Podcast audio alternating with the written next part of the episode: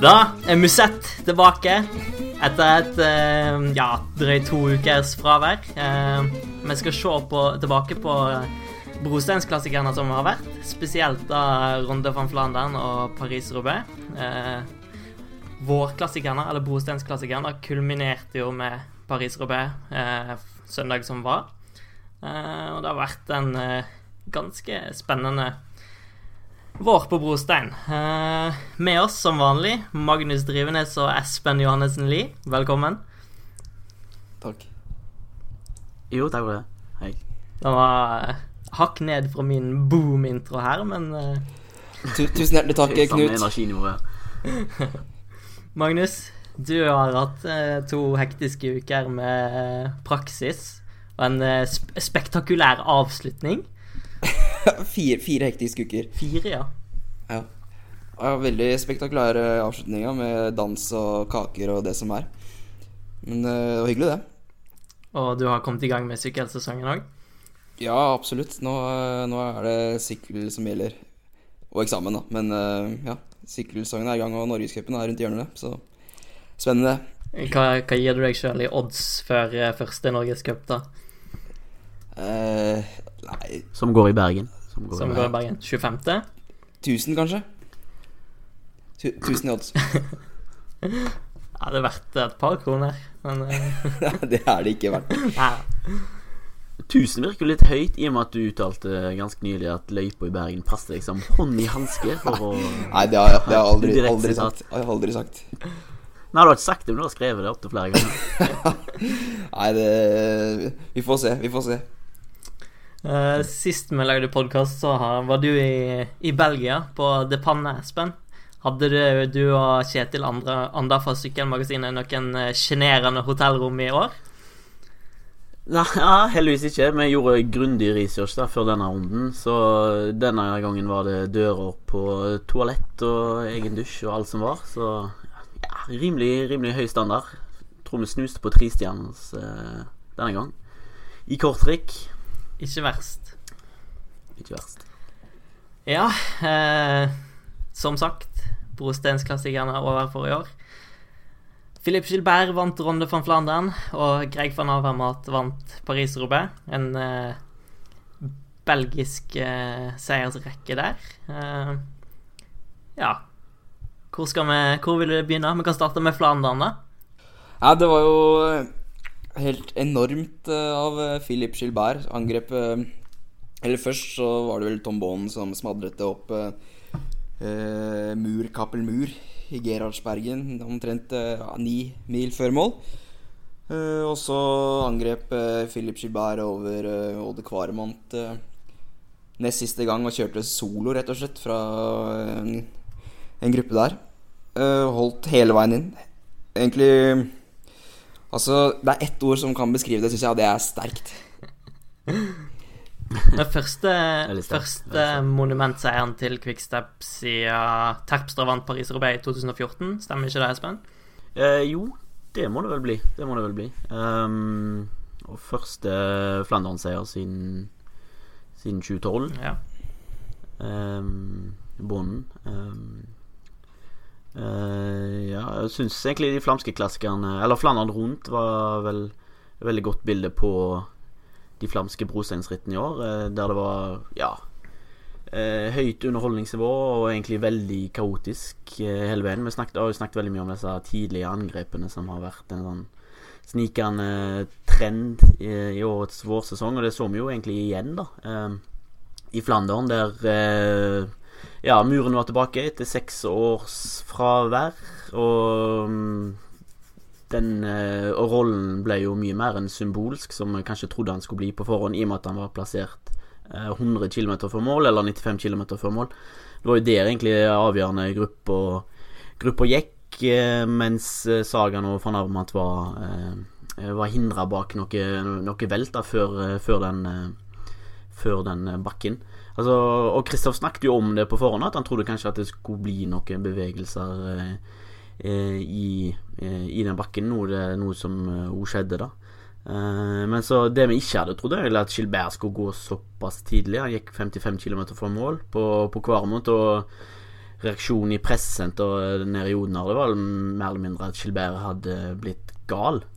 Um, men, men, til slutt så var det jo egentlig bare storslagent der, og litt sånn merksaktig, på en måte. Han var jo storslagen både fysisk og mentalt. Det, jo, det krever jo sin mann å å egentlig være såpass eh, heroisk og modig og gå såpass tidlig, men òg såpass eh, sterk, da, som, uh, som, Magnus sa her, og, og, og holde unna. Så var det jo denne velten, da. Um, på, på Kvarmot, vel, med Sagan og Fan Armat og Nasen, som krydrer det hele, da, med henger, nå, så nå henger det på en måte spørsmålet over hele utgaven, om de hadde henta han eller ikke. Det er jo det som blir eh, eh, krydder i det, på en måte. Ja, Philip Skilberg så helt eh, Altså, på den siste milen der så tror jeg han eh, Kilometeren gikk sakte, for han, for han så meget, meget stiv ut. Ja, det var en del gloser fra Philip Gilbert til uh, vår venn Wilfred Peters i Quickstep-bilen på de siste ti kilometerne. Han, uh, han fikk vel ikke jevnlige nok uh, oppdateringer på avstander og og, og kjefta litt, og Peters ga han litt eh, ly for vind der òg. Eh, det var ganske passende for rittet at det var Born som eh, initierte angrepet opp murkapelmur, da. Ja, og det som var katalysatoren for angrepet, var vel at Luke Rowe eh, var veldig på Born før Kapelmur og spurte masse om han hadde planer om å gjøre noe inni bakken der og, og, var litt sånn nervøs, og det førte til at Born valgte å, å angripe det. Mm.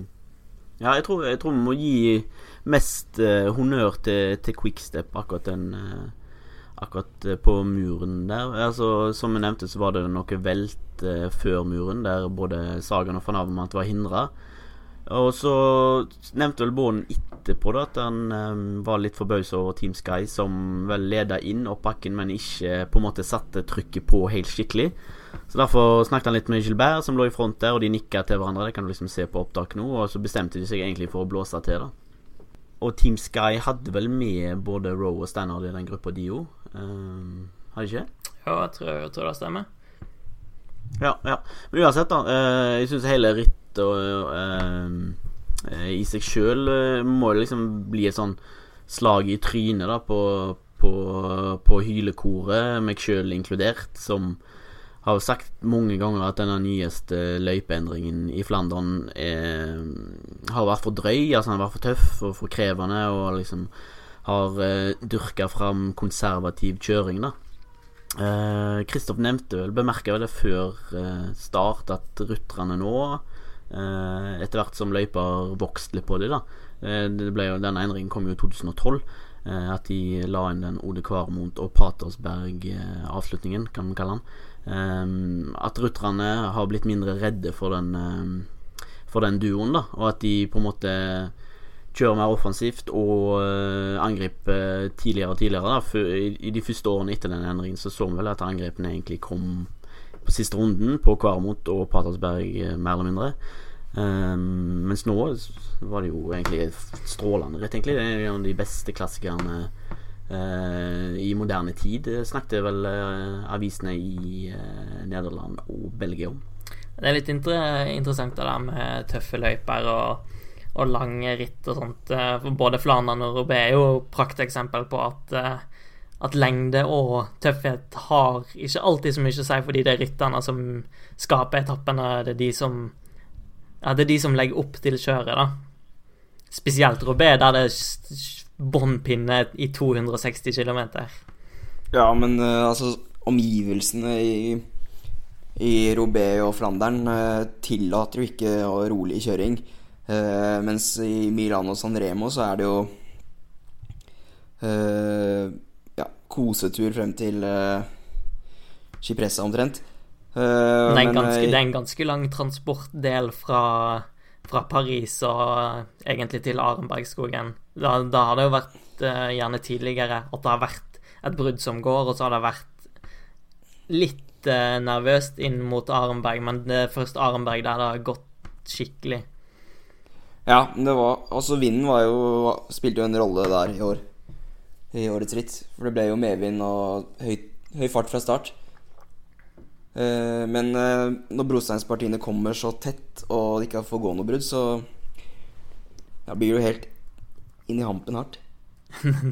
Var han på, var på Robeno plutselig? Ja, men bare ja, ja, litt ja. lengde, lengde og tøffhet. Man kan bare fortsette på på Flandern. Um, en ting jeg tenkte på uh, rett før uh, Rett før Tajenberg, uh, var at jeg, f- jeg følte at Quickstep plutselig fra å ha grepet rittet i hånda si, så satt de plutselig litt eh, litt dårlig til. For den gruppa var begynt å, å kjøre litt, og Gilbert satt alene foran og brukte masse krefter. Og, og så kom jo uhellet til Born i bunnen av Tainberg, Så spørsmålet er jo Altså, Gilbert sa i ettertid at uh, det var ikke intensjonen hans å kjøre fra den gruppa opp uh, Odde Kvaremont, men han tok en liten akselerasjon der og så at han fikk ei luke, og så valgte han å, å bare prøve. Eh, og så begynte jo den luka å synke litt opp både hver måned siste gang, og så velta Sagaen, kjørte inn i en jakke som hang over barrierene, og dro med seg Nasen og Fanava-mat. Eh, men det spørs vel om Quickstep ikke hadde sittet fryktelig dårlig i det, hadde ikke den gruppa med Sagaen velta. Uh, ja, Terpstra satt vel rett bak, gjorde han ikke det? Ja, da vi Jeg tipper det var 10-15 sekunder til Terpstra, og Ja. han, han hadde ikke Altså, greia med Sagaen for Avermaet og Nasen er jo at de kjenner hverandre litt, da. Altså, de veit hva de, de får av hverandre, og de går virkelig inn for å kjøre sammen, og de samarbeider til du begynner inn på de siste kilometerne, da. Eh, Så jeg tviler på at Terpstra hadde kommet opp der. Og jeg tipper at over Patersberg så hadde luka kanskje vært 25 sekunder. Og så hadde, hadde de tre samarbeida fint om å kjøre Gilbert inn igjen. Ja, spesielt uhellet til Båen var jo synd, fordi at eh, hvis Båen hadde vært i stand til å holde følge med eh, Med Sagaen og van Avermaet og eh, Nasen på Kvaremont og Patersberg siste gang, og de ikke hadde veltet, så kunne jo Quickstep plutselig sittet kjempegodt i det. Så det er jo litt eh, tilfeldigheter og omstendigheter som, som avgjør det, da.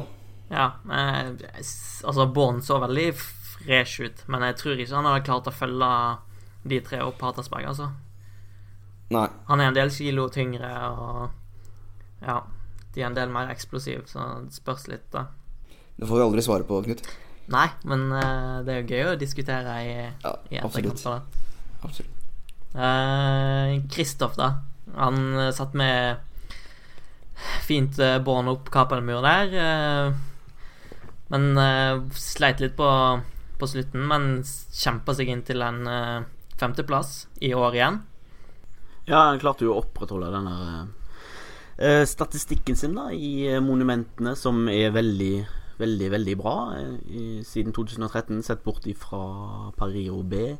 Um, eh, og egentlig, han kjørte selv veldig egentlig et lurt løp, egentlig. Han har jo nevnt det tidligere at han uh, at er såpass åpent og aggressivt ritt ikke kler hans eh, stil så veldig. Men uh, måten han kom i forkant der på, var egentlig ganske lur. Og han har vel aldri kjørt et såpass aktivt Flandern som han, som, som han gjorde i år. Problemet hans er jo, er jo bergene. Da. Han kjører jo ikke med de beste på bergene. Det så vi egentlig i, i De Panne òg, at han ble satt rimelig greit på plass av Gilbert selv i det rittet der. Uh, så han ble liksom avslørt på sine svakheter og der. Og så nevnte han vel det at uh, han hadde vel helst sett at uh, van Avermaet og Sagan ikke kom opp um, før Teinberg.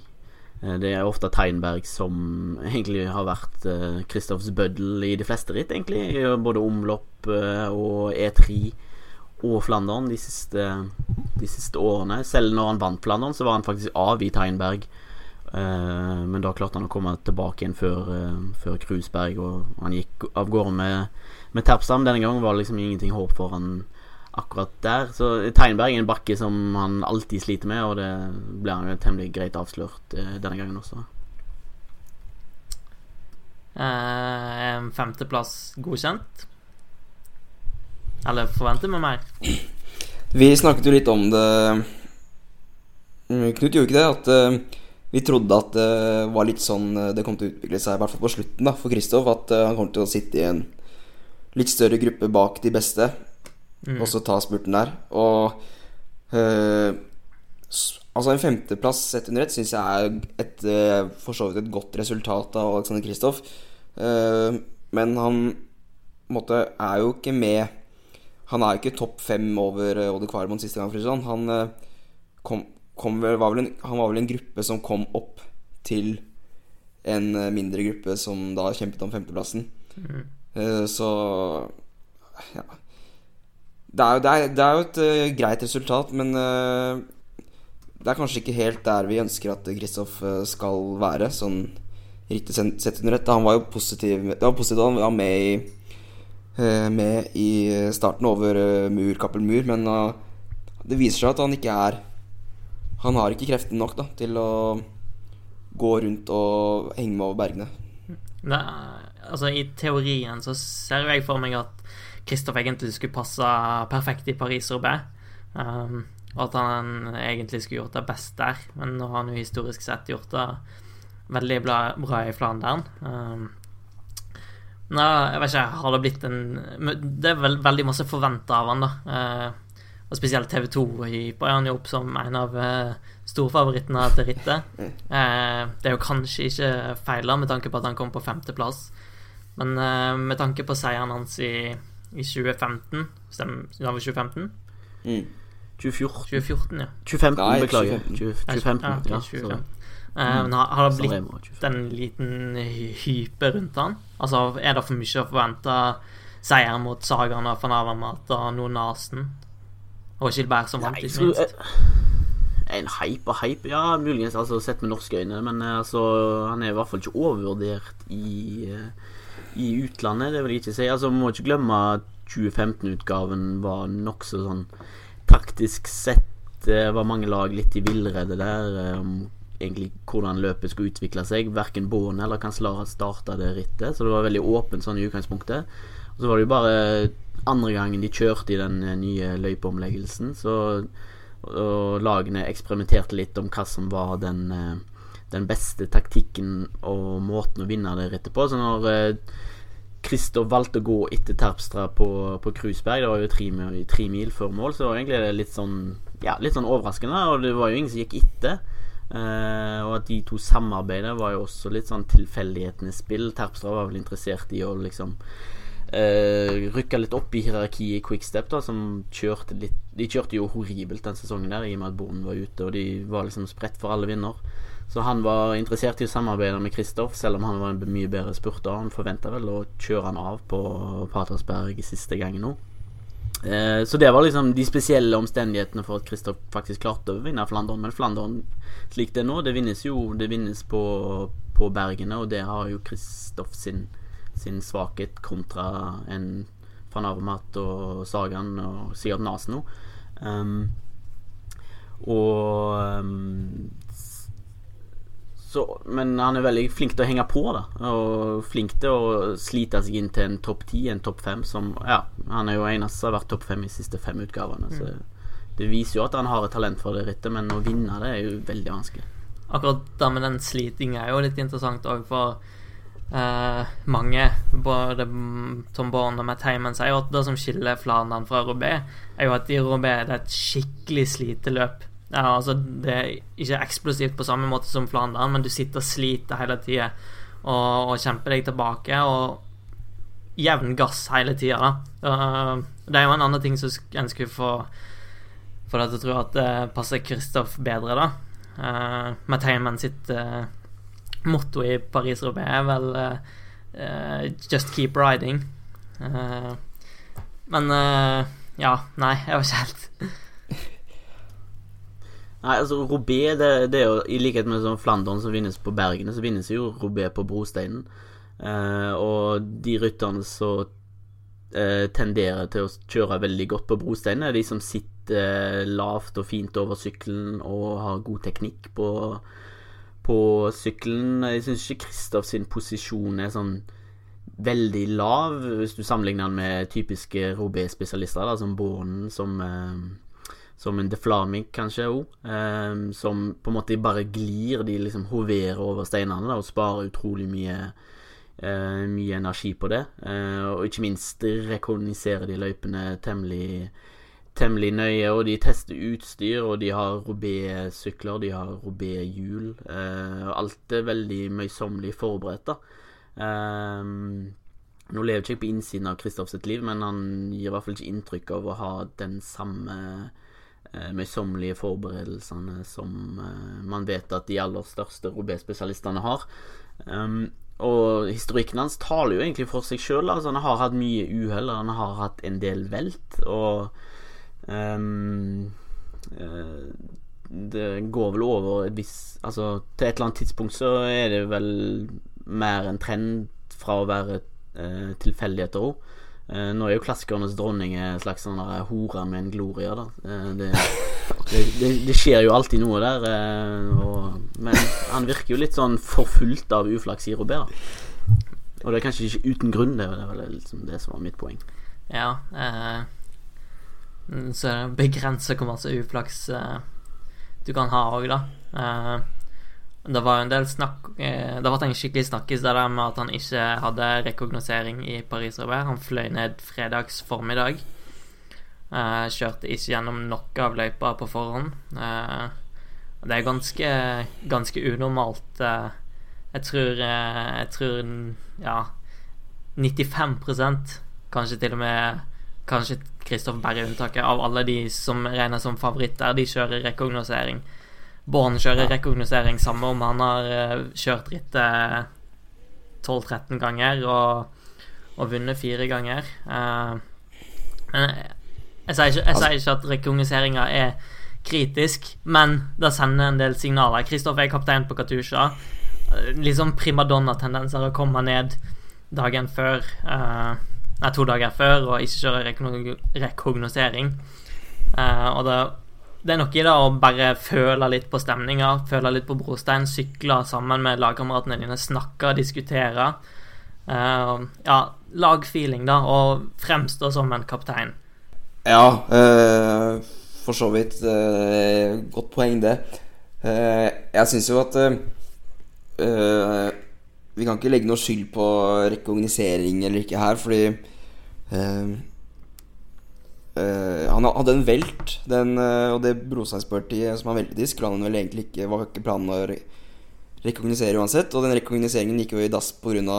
et fly som var forsinket, eller var ikke noe sånt noe? Nei, han han spurte vel om å få komme seinere for å få sove litt. Og så var Katusha litt lunken etter det, men så var ikke de så gira på å betale 7500 i flybillett på morgenflyet heller, så jeg tror jeg, var ikke det sånn? Jeg vet ikke om du husker, Espen?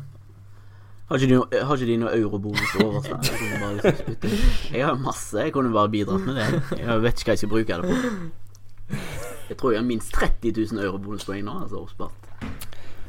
Ja, det er voksent, eh, Espen.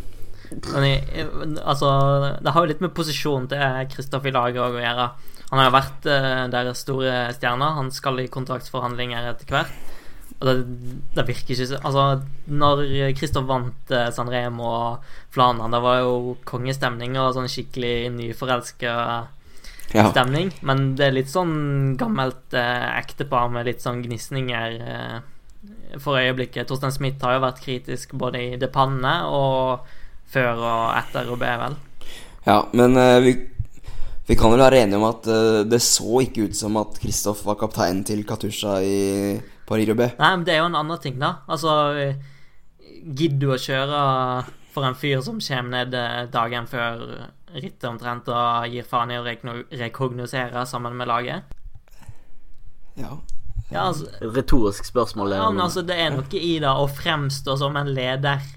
Ja, men uh, nå kan vi jo også Et aspekt her også er at Kristoff uh, har hatt ganske hard oppkjøring med uh, f.eks. Uh, ja, han kjørte De Panne før Flandern og sånt, og så er det jo hardt å skulle være en uke i Frankrike eller Belgia til, da, og så sykle mye på brosteinen og sånt der. Det kan hende at han hadde veldig godt av å være hjemme der også. Vi ja.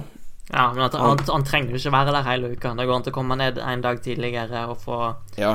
få kjørt litt på den brosteinen. Og, altså, Sten Jørgen sa vel da at Kristoff ville blitt genierklært hvis han hadde vunnet Paris-Roubais, men nå vant han ikke Paris-Roubais, og klassikersesongen hans under ett har vel ikke vært sånn ja, det har vært veldig opp og ned, da. Han fikk en fjerdeplass i Milan San Remo og femteplass i Flandern. For all del veldig, veldig sterkt, men de setter jo lista vesentlig mye høyere enn det. Vi kan flyte litt tilbake til starten av, av Robé. Et ekstremt taktisk ritt, noe som òg gjør det til Eh, et veldig fartsfylt ritt, og nå hadde jo Vind en del å, å si i år. Men det, det var et ekstremt vanskelig ritt å, å forutse og legge en god taktikk til. Noe som vi fikk se i år, med at det var litt folk over, overalt. Og van Avamat hadde problemer før Arnbergskogen, men kom tilbake og, og vant. Men vi kan jo eh, ta Fana Wamata. Eh, har hatt en fantastisk vårsesong, Magnus. Ja, han har jo da vunnet eh, omlopp helt newsblad og eterepris eh, og eh, nummer to i Flandern. Og nå gikk han da til topps i Paris Roubais etter, eh, ja, som du sa, uhell. Eh, han var jo da sammen med Kristoff etter Arnberg jagende bak. Og hadde vel enda mer uhell etter det, stemmer ikke det? Da han var ganske hissig uh, ja, etter en velt. Han, han slet visstnok med stemme og punktering og Ja. ja. Ja, Styret hans ble løst, og så krasja han. Ja, jo, jeg altså. tror- Jo, jeg tror det var noe sånt Jeg, nå. jeg, jeg tror lagbilene lagbilen hans ville ha han til å bytte Bytte sykkel fordi styret ble løst, og så sa han nei, og så gikk det rett etterpå, så var han i grøfta, holdt jeg på å si. Ja, nei, men eh, i hvert fall eh, meget, meget imponerende. Han kjørte jo da uh, hele veien Altså han som dannet den trioen på slutten, med Langefelt og Stenek Stybar. Og Stybar dro jo ikke en meter der, omtrent. Uh, og likevel så slår uh, von Avermaet uh, ja, til i spurten og vinner, selv om Stybar da ikke har eh, dratt noen ting. Og Stybar er vel ikke en uh, altfor treg rytter, han? Er han det? Nei, han har spurta inn til en andreplass på velodromen før, men van Avermat skal jo i utgangspunktet være raskere, da. Men han er absolutt ikke, ikke treig, nei. Nei. Um, for å ta litt videre på, på van Avermat først. eh, vi snakka jo litt om det før podden vår, før omlopp, vel. eh, med at van Avermat var blitt en skikkelig vinnertype eh, denne sesongen og forrige sesong. Uh, og det som jeg syns kanskje karakteriserer han mest, er jo at når han først gir gass Det samme med Sagan, for så vidt. Så er det ingen nøling. Det er ikke noe taktikkeri, det er bare båndpinne til han har den uh, gruppa han vil ha. Ja, ja, jo, enig i det. enig i det Han er jo blitt veldig mye mer besluttsom da enn en den eh, nesten-rutteren som vi så for et par år siden, der han ofte kjørte veldig aktiv, men som regel så rant ut i sand, og han gikk i angrep som egentlig eh, endte i, eh, i ingenting. Eh, jeg syns den van Avermaet vi ser nå, de siste to årene, de siste 18 månedene kanskje, er veldig taktisk klok. da Han er Du så, eh, så eksempel i seieren i omlopp. Det vitner liksom om en smart rutter som er, som er i stand til å ri på andre sin rygg da når han ikke er på sitt beste. Han hadde jo dette um, ankelbruddet i vinter, så han var ikke på topp i omlopp, men han klarte jo han klarte jo likevel å vinne. Han liksom forma denne alliansen med, med van Marke og Sagan som holdt helt, holdt helt inn til mål før han på en måte avliva de begge to. Uh, og så i E3 da Så hadde han jo veldig gode instinkter der òg, faktisk bedre enn Sagan sine. Uh, han gikk etter Gilbert, og det var jo åtte mil før mål, der eh, det bruddet der danna seg. Eh, der òg gikk gikk han med Nasen og, eh, og Gilbert, var det vel, selvfølgelig. Mm. Og han klarte jo å ta luven av de, de to der òg. I Gent Wevelgem eh, gikk han med Jens Kaukelær, var det vel, fra Orica. Eh, og Jens han jobba jo seg ned i en tidlig grav for å kjøre, eh, kjøre Greg inn til mål der. Han falt på sverdet for eh, For uh, van Avermaet. Jeg vet ikke hva han sa til han jeg, for å få han til å gjøre det, men jeg har aldri sett noen jobbe så mye for eh, å holde et brudd foran, i hvert fall. Så eh, altså, i det, i det hele tatt så er han jo veldig mye mer avslappa enn, enn han var før. Og det er liksom tydelig at uh, det har skjedd et uh, et skifte i hans uh, mentalitet, særlig da etter han vant OL-gull, så har han liksom virka veldig avslappa og fortrolig med lederrollen i laget, og han er veldig selvsikker og, og tryggere på seg sjøl. Eh, og det sammenfaller jo med at Gilbert har eh, dratt ut av BMC. Og begge de to har blomstra nå, nå når de er Når de er separert, faktisk. Ja, det er jo litt interessant, faktisk, at de har eh, blomstra sånn. Jeg tror Jeg syns det du sier med eh, selvsikkerhet og trygghet er veldig interessant med, med Greg van Amat. For vi har ikke sett han tape noe særlig spurter i grupper på, altså mindre grupper i år, da. Altså Han vant jo spurten om andreplassen i Flandern og har jo vunnet eh, Alle seierne hans er jo kommet i små spurter. Altså Han har aldri kommet alene til mål i noen av seierne sine. Og han eh, er veldig trygg på seg selv, veldig selvsikker. Og eh, både i avslutningen og når han går til og Han har en egen, egen evne da, til å klare å danne disse avgjørende gruppene.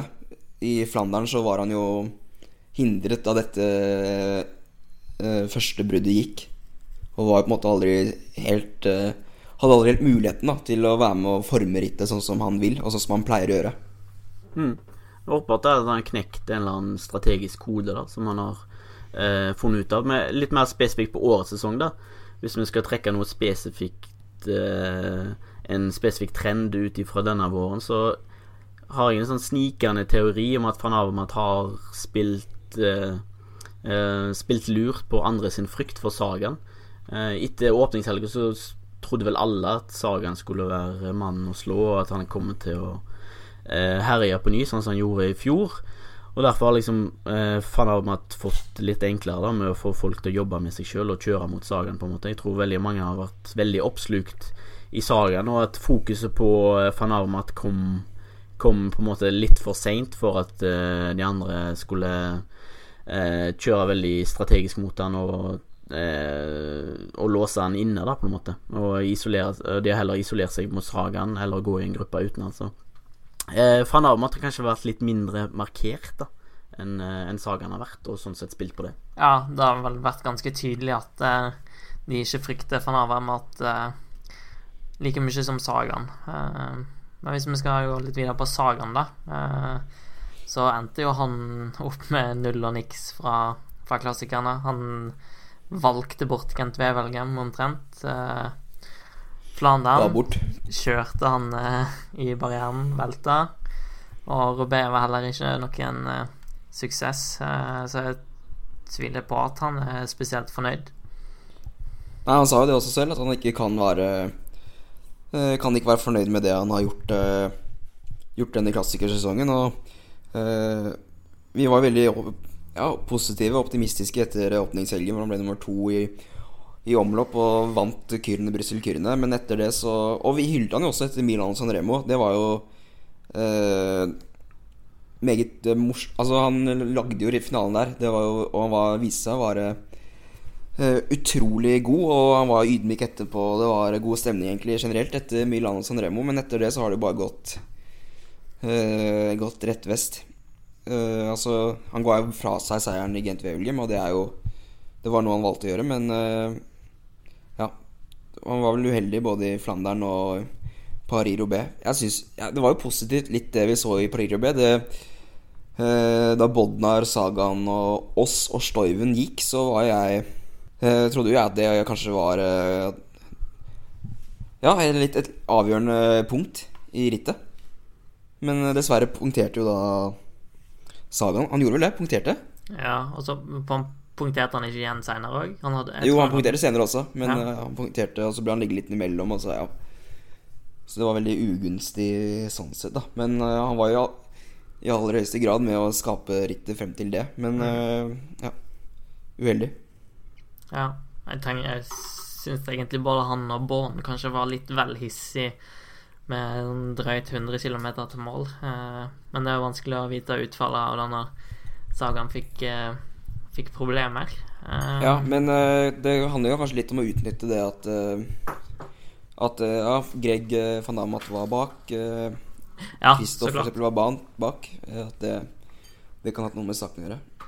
Det var nok definitivt en av grunnene til at uh, Born ga litt gass på, på et tidspunkt der. Uh, det er jo ikke noe annet som gir mening med tanke på hvor innstilt Quickstep var på, på å kjøre for han, og at han sjøl tok initiativet der. Um, så vi skal snakke litt om finalen, da, med med Langeveld, Sebastian Langeveld fra Cannondale Drapack, Greg van Armat og Stenning Stybar. Eh, Stybar satt jo bare på hjul de siste 15. Ja, noe sånt noe. Fem, det var vel etter uh, Carrefour og uh, Ja, at han bare lå bak. Mm. Uh, vi har en gruppechat på Face der du var ganske du, er ikke, du er ikke så glad i Quickstep sin kjøring, Magnus? Nei, jeg, altså jeg er liten Jeg er ikke stor fan av Quickstep, da, i det hele tatt. Det er kanskje farget litt av at du er så stor fan av Quickstep, Knut. Men, uh, Espen òg, tror jeg, er ganske glad i Quickstep. Ja, jeg er ikke noe Jeg er ikke fan av noen. Jeg er ikke fan av noen. liksom. Nei, jeg, jeg, jeg, er ikke noe glad i Quickstep, egentlig. Det kan jeg jo si, for så vidt. De kjører jo bra ofte, da, men uh, de har blitt litt sånn Rosenborg for meg, hvis du skjønner hva jeg mener. Knut. men uh, var det en fair taktikk, Espen? Og, i, i, altså, og noen ryttere velger å gå rundt sporadisk og uten å legge veldig mye krefter i det, men bare å gå rundt. Men uh, var det, var det feigt uh, av Stybar? Ja. Nei, det, det ble jo litt drøyt å si. Altså, man gjør, man gjør vel det man må for uh, å vinne, og man spiller jo alltid de Spiller på de styrkene man har. nå vet jeg ikke hva info Stybar satt på, jeg, om han visste noe om avstanden bak til bånden. Bånden sa vel sjøl at han, han ga opp håp, eller alt håp, med fire kilometer igjen. Um, og jeg tror de aller fleste lagene var veldig obs på at uh, Quickstep kjørte Gikk all in for Born i, i, det rittet her, og han ble veldig tett markert uh, gjennom hele dagen, egentlig. Hans, og, Degen, Degenkolb var jo skyggen hans hele dagen. Degenkolb var skyggen, skyggen, hans hele dagen, ja. Um, og Bond nevnte jo det etter, etter målgang òg, at uh, Degenkolb kjørte det feigeste rittet noensinne. etter, sty, etter Stybar, da. Etter, etter Nei da, men uh, Det er, det er litt interessant, uh, det der. Og kan, Quickstep kanskje gikk litt for hardt ut med å, å bare snakke om Born på forhånd. For de hadde jo egentlig veldig mange korte spillere på, både Styber og Terpstra. Og Born Ja, de var veldig uheldige, da. Altså, Case uh, krasja ganske tidlig, eller ble satt ut av spillet ganske tidlig. Lampard Han veldig på første uh, var uheldig, og Terpstra krasja òg, sånn at uh, gjennom hele dagen så ble oddsen litt dårligere og dårligere for Quickstep etter hvert som de mista folk. da Og til slutt så hadde de vel egentlig bare Stybar og Born på slutten der til å spille noe særlig, særlig eh, plan, egentlig. Mm. Ja, men eh, jeg syns at eh, At når Bånen sitter bak i en gruppe med Greipel og Degenkolb og Demar osv., og, så og så sitter du der 50 sekunder foran, og så sier du 'nei, jeg har Bånen bak'. Eh, Ja, da kommer det Jeg Ja, òg tenkte jeg- at det var litt billig unnskyldning etter hvert. eh, Men Born drev jo og kjørte for å komme seg opp der, da. Det var vel det som var tanken. Born kjørte jo på Carrefour Larbre og, og gav gass der. Born kjørte vel på alle Ja. Ja, ja men eh, egentlig. Men- problemet var vel at han ikke fikk med seg noen til å gå rundt etterpå. Nei, det var stort sett bare Lotto, Sudal og Greipel som gjorde noe som helst. Ja. Så det viste vel at uh, Bånd ble markert ut ganske heftig. Mm. Men eh, når, eh, Stybar først spilte det kortet med å, å bare ligge bak, så, så Jeg mener han tapte rittet når han angrep med med fire-fem kilometer til mål. Eh, for det første så måtte han begynne å gå rundt det. For det andre så samarbeida eh, Langeveld og van Avermaet veldig bra. Det var ingen luring der. De holdt høyt tempo, og Styrbar angrep når de var i fin flyt. Så han, jeg syns han burde vente. Eh, eventuelt sett om han fikk surna Surna de mer, og at de begynte å lure. Eventuelt begynte å gått litt rundt og kanskje få- fått litt dårlig flyt i den rulla. Eh, og så òg når han kommer inn på velodromen, så så burde han kanskje prøvd å gått for en Han, han lå jo helt oppe på, på sida av velodromen, høyt oppe der, når de kom inn på velodromen. Kanskje han burde, burde benytta eh, gravitasjonen der, da. Fått med seg fart ned og gått på et uh, langt angrep. Alex Rasmussen, tidligere Cannondale Pro, Proff, skrev jo da på Instagram, posta bilde, og at uh, at Stybar tapte rittet der, og at han burde utnytta den farta han får med seg helt fra toppen av velodromen. da. Ja, Rasmussen er også erfaren eh, banesyklist, så han vet hva han snakker om der. Men jeg vet ikke hvor Stybar har noe erfaring derfra. Nei, men han valgte å gå helt opp dit, da, så han skulle jo tro ja. at det var en tanke bak det. Ja, og da, men det eneste han fikk ut, fra, ut av å gå opp der, var at han da plutselig gikk fra å være bakerst til å være først. Ja, Så det var veldig spesielt. Ja. Jeg var ikke Ja, jeg vet ikke om han ble litt overrumpla av det som kom opp bak. eh. Det kom jo opp eh, Gianni Moscon og gjengen. Kom, ja, Jasper Stolven. mm. Og Stoiven kom opp akkurat idet liksom, de skulle åpne spurten, så det ut som. Han, han hadde jo for så vidt en bra spurt, da. Uh, Åpna først, og så fikk jeg god luke på van Avermaet. Uh, men jeg, jeg tror van Avermaet hadde bestemt seg greit uh, etter Flandern og når Stybar gikk på den spurten der, at uh, ikke faen om jeg skal tape det her òg. Nei, fan av uh, hadde jo kontroll, egentlig, vil jeg si. Det eneste som kunne hindre han i den spurten, der var hvis han hadde blitt eh, hindret eller noe. Det var ikke langt unna, men han fant igjen åpningen da. Litt synd at Storven Stoiven ikke Ja, jeg håpet litt på Stoiven da han kom opp. Vi har jo snakket litt eh, positivt om han eh, i tidligere podder her, og eh, er jo ganske Skal ha en ganske vass avslutning. Mm. Men eh, var vel sikkert helt på stålet da på slutten der. Da Stybar var visst òg ganske sliten. eh, Det var vel sagt på Eller alle er jo slitne, så det er for så vidt ikke den beste unnskyldningen. Eh, men du, når du nevner Stoiven, så kan vi jo ta Ta litt på folk som ikke har eh, Ja, Levert. levert, prestert. Eh, trekk seg av fedre. Jeg hørte de snakke om det her på Cycling Podcast, at eh, de Det som eh, definerte vårsesongen til uh, trekksegerfredag, var at de alltid var på etterskudd, og de nølte for mye, i motsetning til van Avermaet, f.eks., som vi snakker om som veldig kontant og bare kjører på. Eh, jeg vet ikke om de har noen tanker om det? Eh, Min umiddelbare tanke er jo at det Ja, hvem er det Ja, de har jo da har Toyn, Stoyven Stoiven Toyn- og Degenkolb, så de har et Ja. Og Feline også har vært med Og mye der, men Fabio. Ja, vår helt. Men eh, ja, ok, Stoiven, da. Han er jo For det første har han ikke den taktiske erfaringen som van Avmat har. Degenkolb har jo ofte, i hvert fall nå etter den skaden, måttet spille på spurten sin. Aldri vært måtte, sterk nok til å gå med på angrep og sånt. Uh, og Toynes også har ikke helt vært helt Ja, nå Han har også vært en mann som satser litt mer på å komme inn i en gruppe bak og sånt, og det Eh, ja, det er jo Når man ser på rytterne de har, så er de er, Det er et litt sånn etterskuddlag, tenker jeg. Uh, du skjønner hva jeg mener? Uh, de vil ha noen hjelperyttere og få tettet lukene og få samlet igjen til å bli spurt. Og de sa jo De var veldig fornøyde da etter uh, Paris-Roubais. De fått, klarte å få tre topp ti. Ikke akkurat mange lagene som fikk til det, men det er liksom Det er ikke noe Det blir ikke noe sigar av det. Altså, det er en Ja, det er å prøve å, å redde seg inn med å si ja, vi fikk tre, tre, tre topp ti. Uh, så kan du jo spørre Patrick Lefebvre, da. Han ville ikke sagt at det var, det var greit før de hadde to, tre stykk topp tre, han. Uh, så ja. No, no, it's not okay. you do, No, no, no. Hadde han sagt det, antagelig. Espen, hva, hva tenker du om trekk?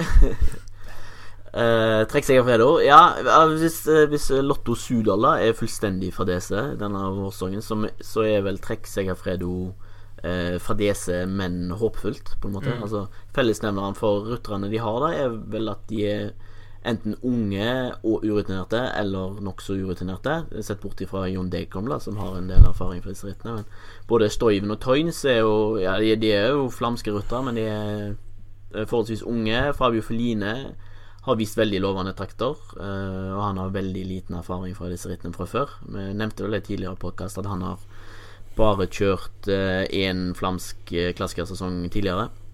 Så hans prestasjoner eh, er, er rimelig lovende, vil jeg si. De har jo en, en å, en del å løse, da, antagelig. Um, og, men jeg tror uh, Paris-Roubais ble vel en slags opptur da, for Stoiven spesielt, i og med at han ble ganske uh, Ja, relativt høy, mye kritisert av Dirk de før rittet, om at han ikke har levert etter forventningene, at, og dette her med at de har vært veldig på etterskudd i alle de avgjørende bruddene som har gått ganske tidlig i de fleste ritt denne sesongen.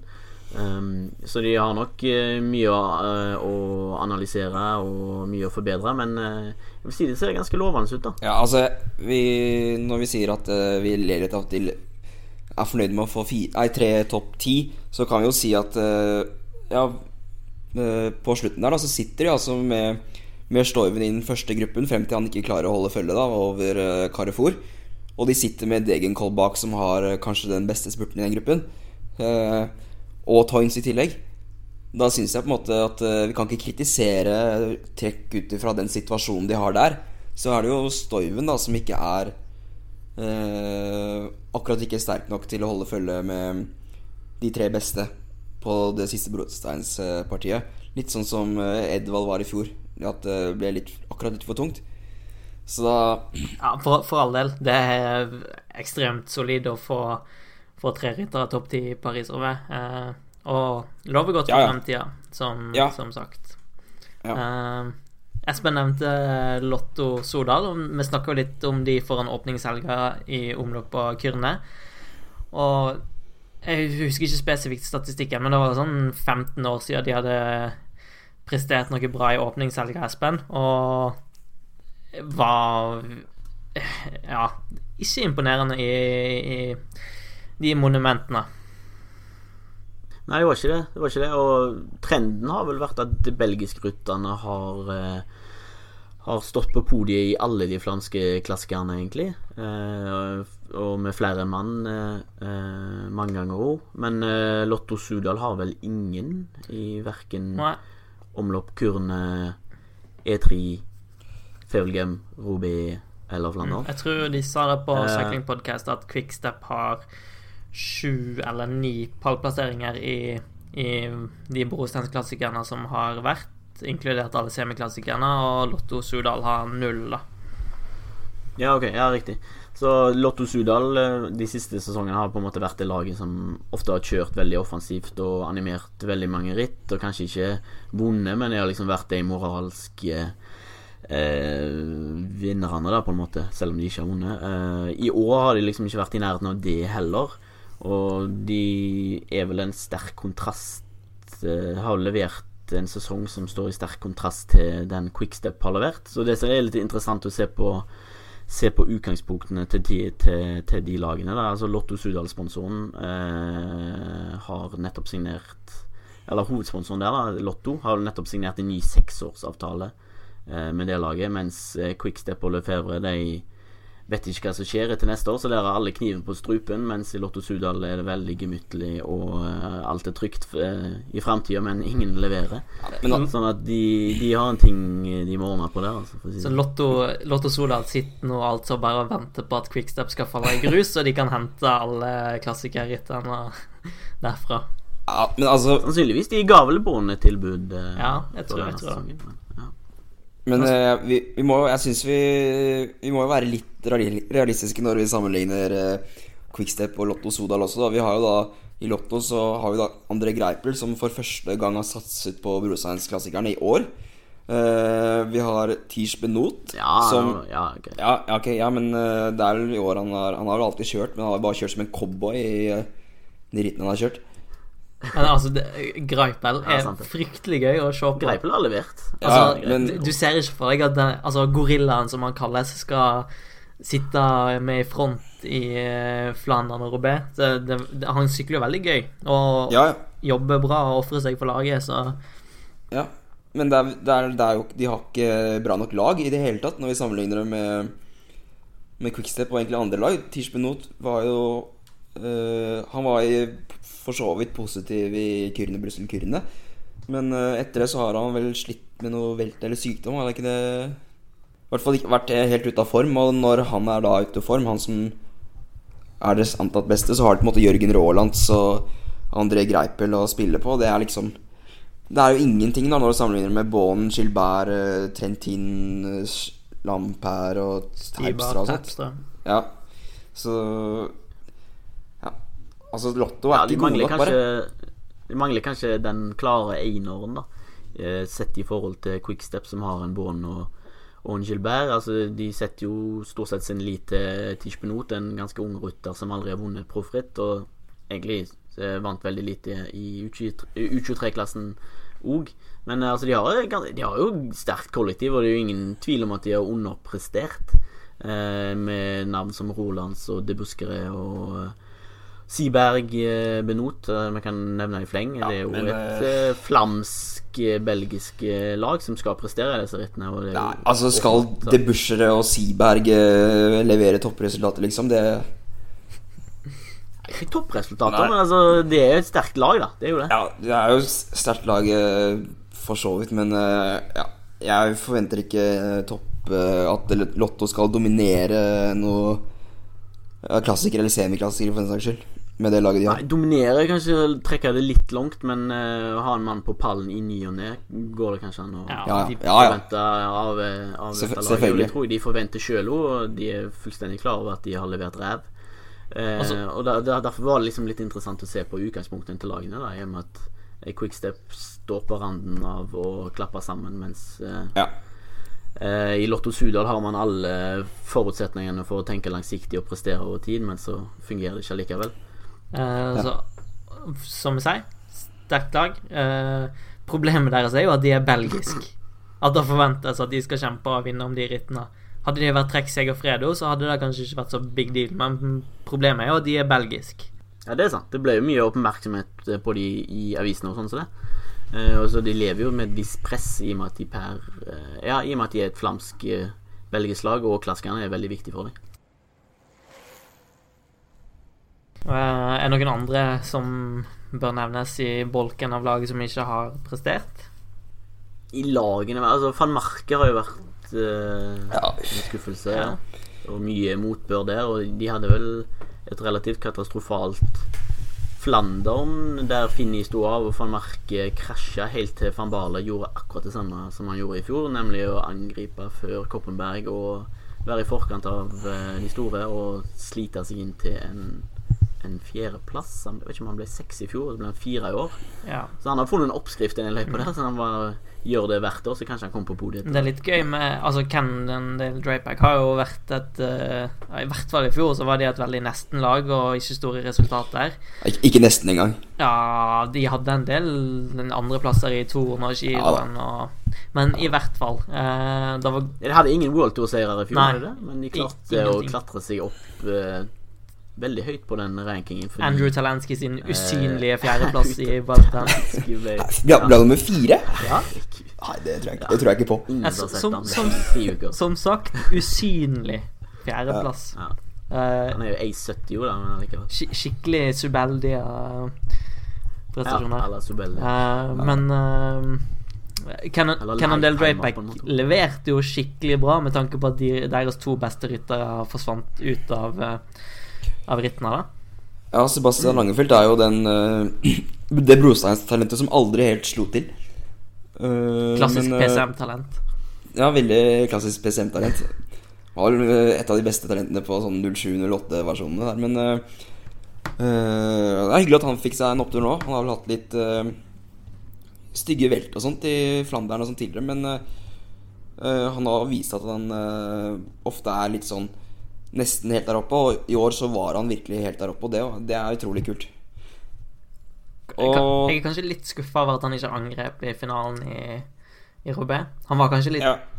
tja. Han burde angrepet Han i burde det angrepet, ja. Van med at tette luka til Stybar og Fanava med at så andre veien. Da hadde jo eh, Langevelt en ideell anledning til å angripe med en gang, og da hadde han sikkert vunnet rittet, tror jeg. Det kan, kan være de hadde hadde gått, inngått en avtale da, for Nava med at Langevel om at de skulle samarbeide siden Stybar ikke var med å kjøre. da At de ikke skulle kuk, Typisk Van At de ikke skulle kuka, kuka til uh, topplasseringene sine. da Og ja, Cannondale Rapeback har jo som sagt vært fraværende for store resultater, så det var kanskje litt viktig for laget sin del òg å sikre en pallplass.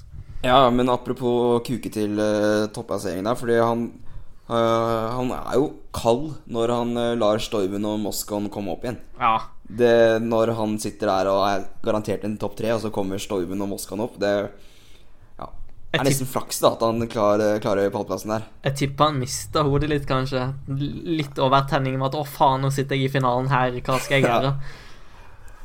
Ja, Forståelig nok, for så vidt. Um, Team Katusha, da. Vi snakka en del om i omløppspodden vår om at de hadde forsterka klassikertroppen sin betydelig. Og også i alle monumentene så har de vært veldig bra foran lenge. Til det smell, så er de bare fullstendig borte, omtrent. Ja, altså nå i Paris-Roubais, da, så eh, Mørkøv og Wirtz og Haller og ja, I hvert fall de tre hadde jo brukt opp alle kreftene sine før eh, det var i gang, egentlig. Men altså For vi, har- vi har, vi, det er mye negativt å si om Katusha. Det er jo ikke å stikke under en stol. Men eh, det var Jeg er en veldig stor Nils Pollitt-fan, og det var meget, meget gledelig å se at han eh, At han eh, var med, da. Ganske Ja. lenge i Paris B. Nils Pollitt er jo en klassisk tysk jernmann. Ja, Hest. Ja, Hest, ja. jernhest. Han ligner litt på en hest også, gjør han ikke? Litt sånn, Så veldig ut som hest. Litt, Veldig litt, litt sånn hesteutseende. En snill hest. Så er det sånn. Veldig. Jeg er veldig glad i hester, så det, det, er, det er positivt, det. Espen, hva skal vi si om Katusha sin innsats? Eh, lagmessig, kollektivt sett, så så de vel tidvis eh, fine ut. Eh, det er jo et ungt lag, det er jo. Alle trekker seg av Fredo, som, som sikkert trenger tid til å bygge seg opp og skaffe seg noen erfaringer, eh, egentlig. Eh, det, det de mangler kanskje der ute, er jo en eh, klar og tydelig road captain. En sånn rutinert ringerev som eh, gir klare instrukser om når de skal fram, og når de skal eh, eh, ikke fram, må jeg si.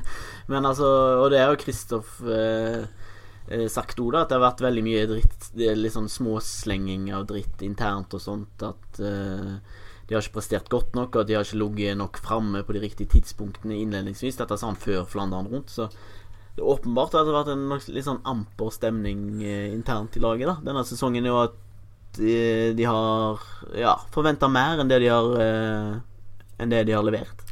Ja, det, er, det virker veldig lite harmonisk i, i laget. Og etter en dårlig eh, vårsesong eh, Fjerdeplass i San Remo, femteplass i Flandern. Greit, da. Men Kristoff som skal i kontraktsforhandlinger, ryktes vel Det var kanskje du som lanserte det ryktet, Espen, om at Galopin er av interesse.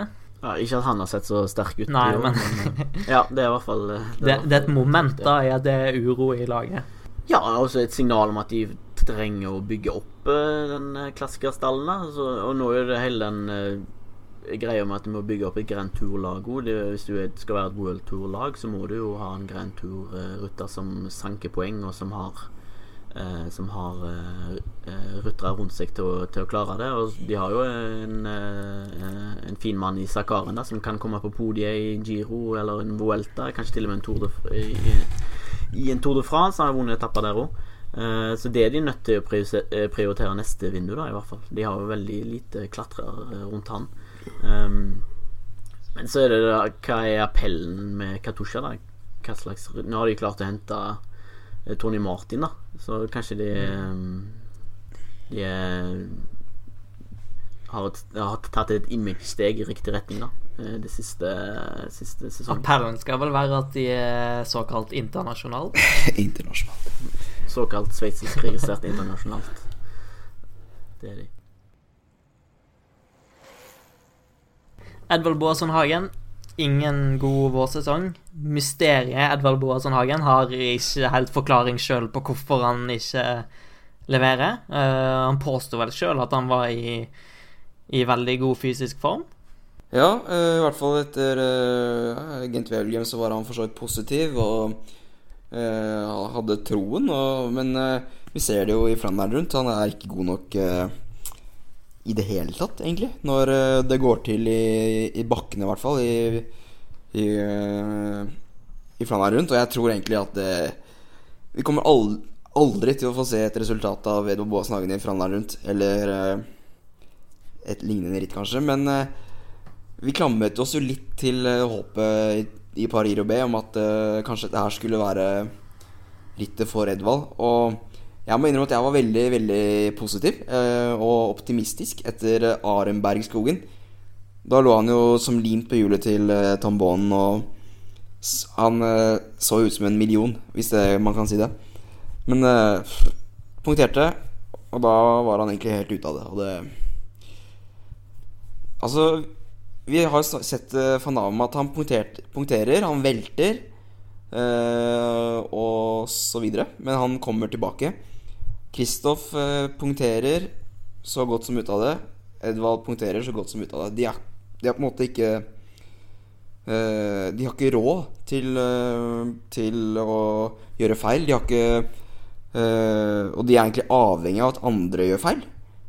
Og, Ja, det er litt spesielt. det- kan jo spekulere om det har noe med innstilling å gjøre, da. Kristoff Kristoff virker jo nesten å ha et nærmest sutrete forhold til Robé. Det er både foran og etter rittet så er det konsekvent sutring. Uh, og Ja, ikke konsekvent, da, men. Eh, men altså, det har noe med innstilling i hodet, da. Hva skjer i hodet til Alexander Kristoff når han får den første punkteringa, og så tenker han OK, det skjedde igjen. Eh, det virker nesten som han bare går og venter på at det skal gå til helvete i Robé. Og kanskje litt samme greia med Edvald, da. At de føler de taper rittet når, de, når det skjer noe. ja, de skrur kanskje litt av. Mm. Eh, At eh, Ok, nå har jeg en unnskyldning for så Altså, ja. Ja, jeg, jeg vet ikke hva du tenker, Espen. Nei, uh, Edvald generelt er en vanskelig kar å lese. Lett å like, vanskelig å lese, det skal jeg si. Um, Krist, har er motsatt her. Nei, nei, er jo galt. Altså, men eh, i alvorlig talt, Boasen Hagen har jo tatt eh, fine steg siden han kom over fra Team Sky i Dimension Data. Eh, signerte ny toårskontrakt med de eh, nå, på høsten. vel. Mhm. Det ble meldt vel to ganger, så jeg er litt usikker når han skrev under på. Men jeg tror det eh, var meldt først i mai, og så var det TV 2 som kjørte sak på at uh, breaking news Ja, jeg har signert. Ja, jeg skrev sak to ganger, bare for å være sikker. Uh, men eh, ja, i år, da, som har tydeligvis ikke tatt noen steg Jeg vet ikke om det har vært et skritt tilbake, eller om, eller om det er rett og slett bare litt urettferdig å måle han, opp mot typer som Sagan og van Avermat. Han har tydeligvis eh, aldri vært på det nivået i eh, monumentene uansett. Han har jo historisk sett slitt med å overleve ritt som er mer enn 250 km. Det har jo på en måte vært hans akilleshæl. Og så eh, hadde han jo denne femteplassen i Robé i fjor, som selvfølgelig bygde opp forventningene enda mer. Eh, Det var jo relativt ganske unike omstendigheter som førte fram til, det, til den finalen. da Blant annet velt på Cancellara, velt på um, ymse andre. Og så fikk han jo Tony Martin som uh, dro som en hest. Ja, Tony Martin drev fram eh, det avgjørende gruppa der, som kom, på en måte kom seg eh, eh, frie ut av stormen. Eh, I år eh, så har det jo gått mye tråttere, det, det har vi jo sett. Jeg har liksom en teori om at han kanskje kommer sterkere tilbake neste år, jeg, når, når kontrakten hans går ut. Det på en måte Jeg har jo sett det med Gilbert, at lav lønn og høye utbetalinger med seire er åpenbart eh, oppskriften å gå etter eh, med å få tilbake gammel storhet. Eh, Men eh, så har han, ja. jo, han har jo historisk sett slitt i lengre ritter, men de fleste håpte vel at eh, han hadde knekt koden i fjor da han ble nummer fem i Robé. Uh, men det som henger litt ved han, er vel kanskje hvor enormt talent han var, og den eh, introen han hadde når han eh, kom inn i, i proffrekkene og herjer som fersk proff. Det er kanskje det som henger litt ved han, da. mm. Det kan godt være. Og så litt med årets sesong òg. Altså omstendighetene i Dimension Data har kanskje ikke vært så gunstige for Edvald heller. Jeg vet ikke om han har kanskje merka litt press, jeg, om at eh, siden de har levert temmelig, temmelig dårlig innledningsvis. De hadde en veldig god start i fjor, med Cavendish hadde vant en del, og Steve, Steve Cummings vant en del eh, innledningsvis. Sånn at det var relativt lave skuldre i laget gjennom hele våren. I år har det gått litt, eh, litt dårligere. Cavendish er syk, og Cummings har velta, så kanskje det har vært litt mer press på Edvald Ja. eh, inn mot eh, Flandern og Roubaix i år enn det var i Og så har de sikkert Epstein-Barr-syndrom er vel ikke smittsomt, det? Jo, altså han eh, Jeg tror han hadde den smittsomme versjonen, okay. Mark Cavendish. Nei, men Magnus, fortsett. Ja, ja, nei, det jeg skulle poengtere, er at eh, kanskje presset også er litt fra uh, Dimension Data med World Tour-poeng også. At eh, det var noe de Altså, de var heldige med hvordan det løste seg i fjor, men eh, Mm. i år er de kanskje mer påpasselige fra starten av, og Edvald har ikke levert eh, det han eh, skal, kanskje. Men eh, altså, nå blir jo Edvald da 30 år på 17. mai, eh, hvor Tour of Norway går i mål i Asker, første etappe. Og Edvald kommer til å vinne med mestertrøye og alt mulig. Men eh, eh, nå er han jo 30 år. Kan vi diskutere om han har valgt feil vei? Altså valgt å gå feil vei som rytter? Eh, altså, det har jo vært en del frem og tilbake, da. Uff, har vi tid til det nå? Nei, altså, i, I teorien så skulle han jo blomstra mest nå. Han har fått masse erfaring fra, fra klassikerne, og Ja, altså, Robert er jo et ritt der du gjerne eh, begynner å levere skikkelig når du begynner å bli litt eldre, da. Det er vel det rittet som er vanskeligst å vinne eh, som ung. Eh, men det har vært veldig masse frem og tilbake med han da, fra tida i HTC, der han var så, så det så ut til å bli en strålende endagsrytter og helt ville prestasjoner i enkeltritt. Og så til Team Sky og litt etapperytter. Ja, det har vært en del frem og tilbake, da. Ja. Det, nei, men jeg tenker kanskje at eh, det er litt synd at han eh, har liksom fokusert så mye på de her våre Altså brostein og alt sånt. Det er kanskje mye som har gått tapt. Vi ser jo f.eks. Michael Matthews nå, som velger en uh, veldig interessant uh, vei å gå uh, med sin karriere. Som jeg syns er mye mer eh, ja, kul. Så, altså, du tenker litt mer sånn Amstel, eh, San Remo-type Ja, ja. Jeg tror faktisk Matthews kommer til å kjøre mer eh, brosteinsritt neste år. Han kjørte eh, har kjørt en del brosteinsritt i år, og det kom, tror det blir enda mer neste år. Ah, ja. Mm. Ja, men det kan vi, trenger vi ikke diskutere nå, for så vidt. Nei. Nei, nei.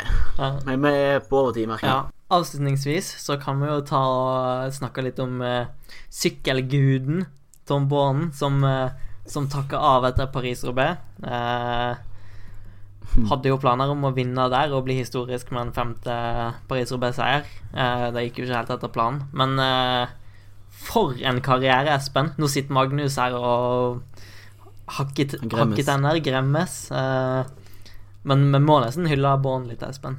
Ja, det bør være innafor, men eh, en liten uh, Born hylles. Altså, han ble nummer 13 uh, i Robé på søndag, og det var tredje gang han havna utenfor topp 10 på sine 14 deltakelser. Uh, de andre gangene var da han jobba som hjelperytter for museet i 2004 eller tre, tror jeg. Og så var det i 2011 da han fikk eh, mekaniske problemer i Arnbergskogen. Så han har helt vanvittig statistikk i Robé, rittet som på en måte har gjort hans karriere på sett og vis, selv om han ble jo verdensmester i Madrid 2005 og tok ja, eh, tre Flandern-seire. Mm. Uh, han har bare én punktering i Robé på 14 ganger. Det er jo helt ekstremt.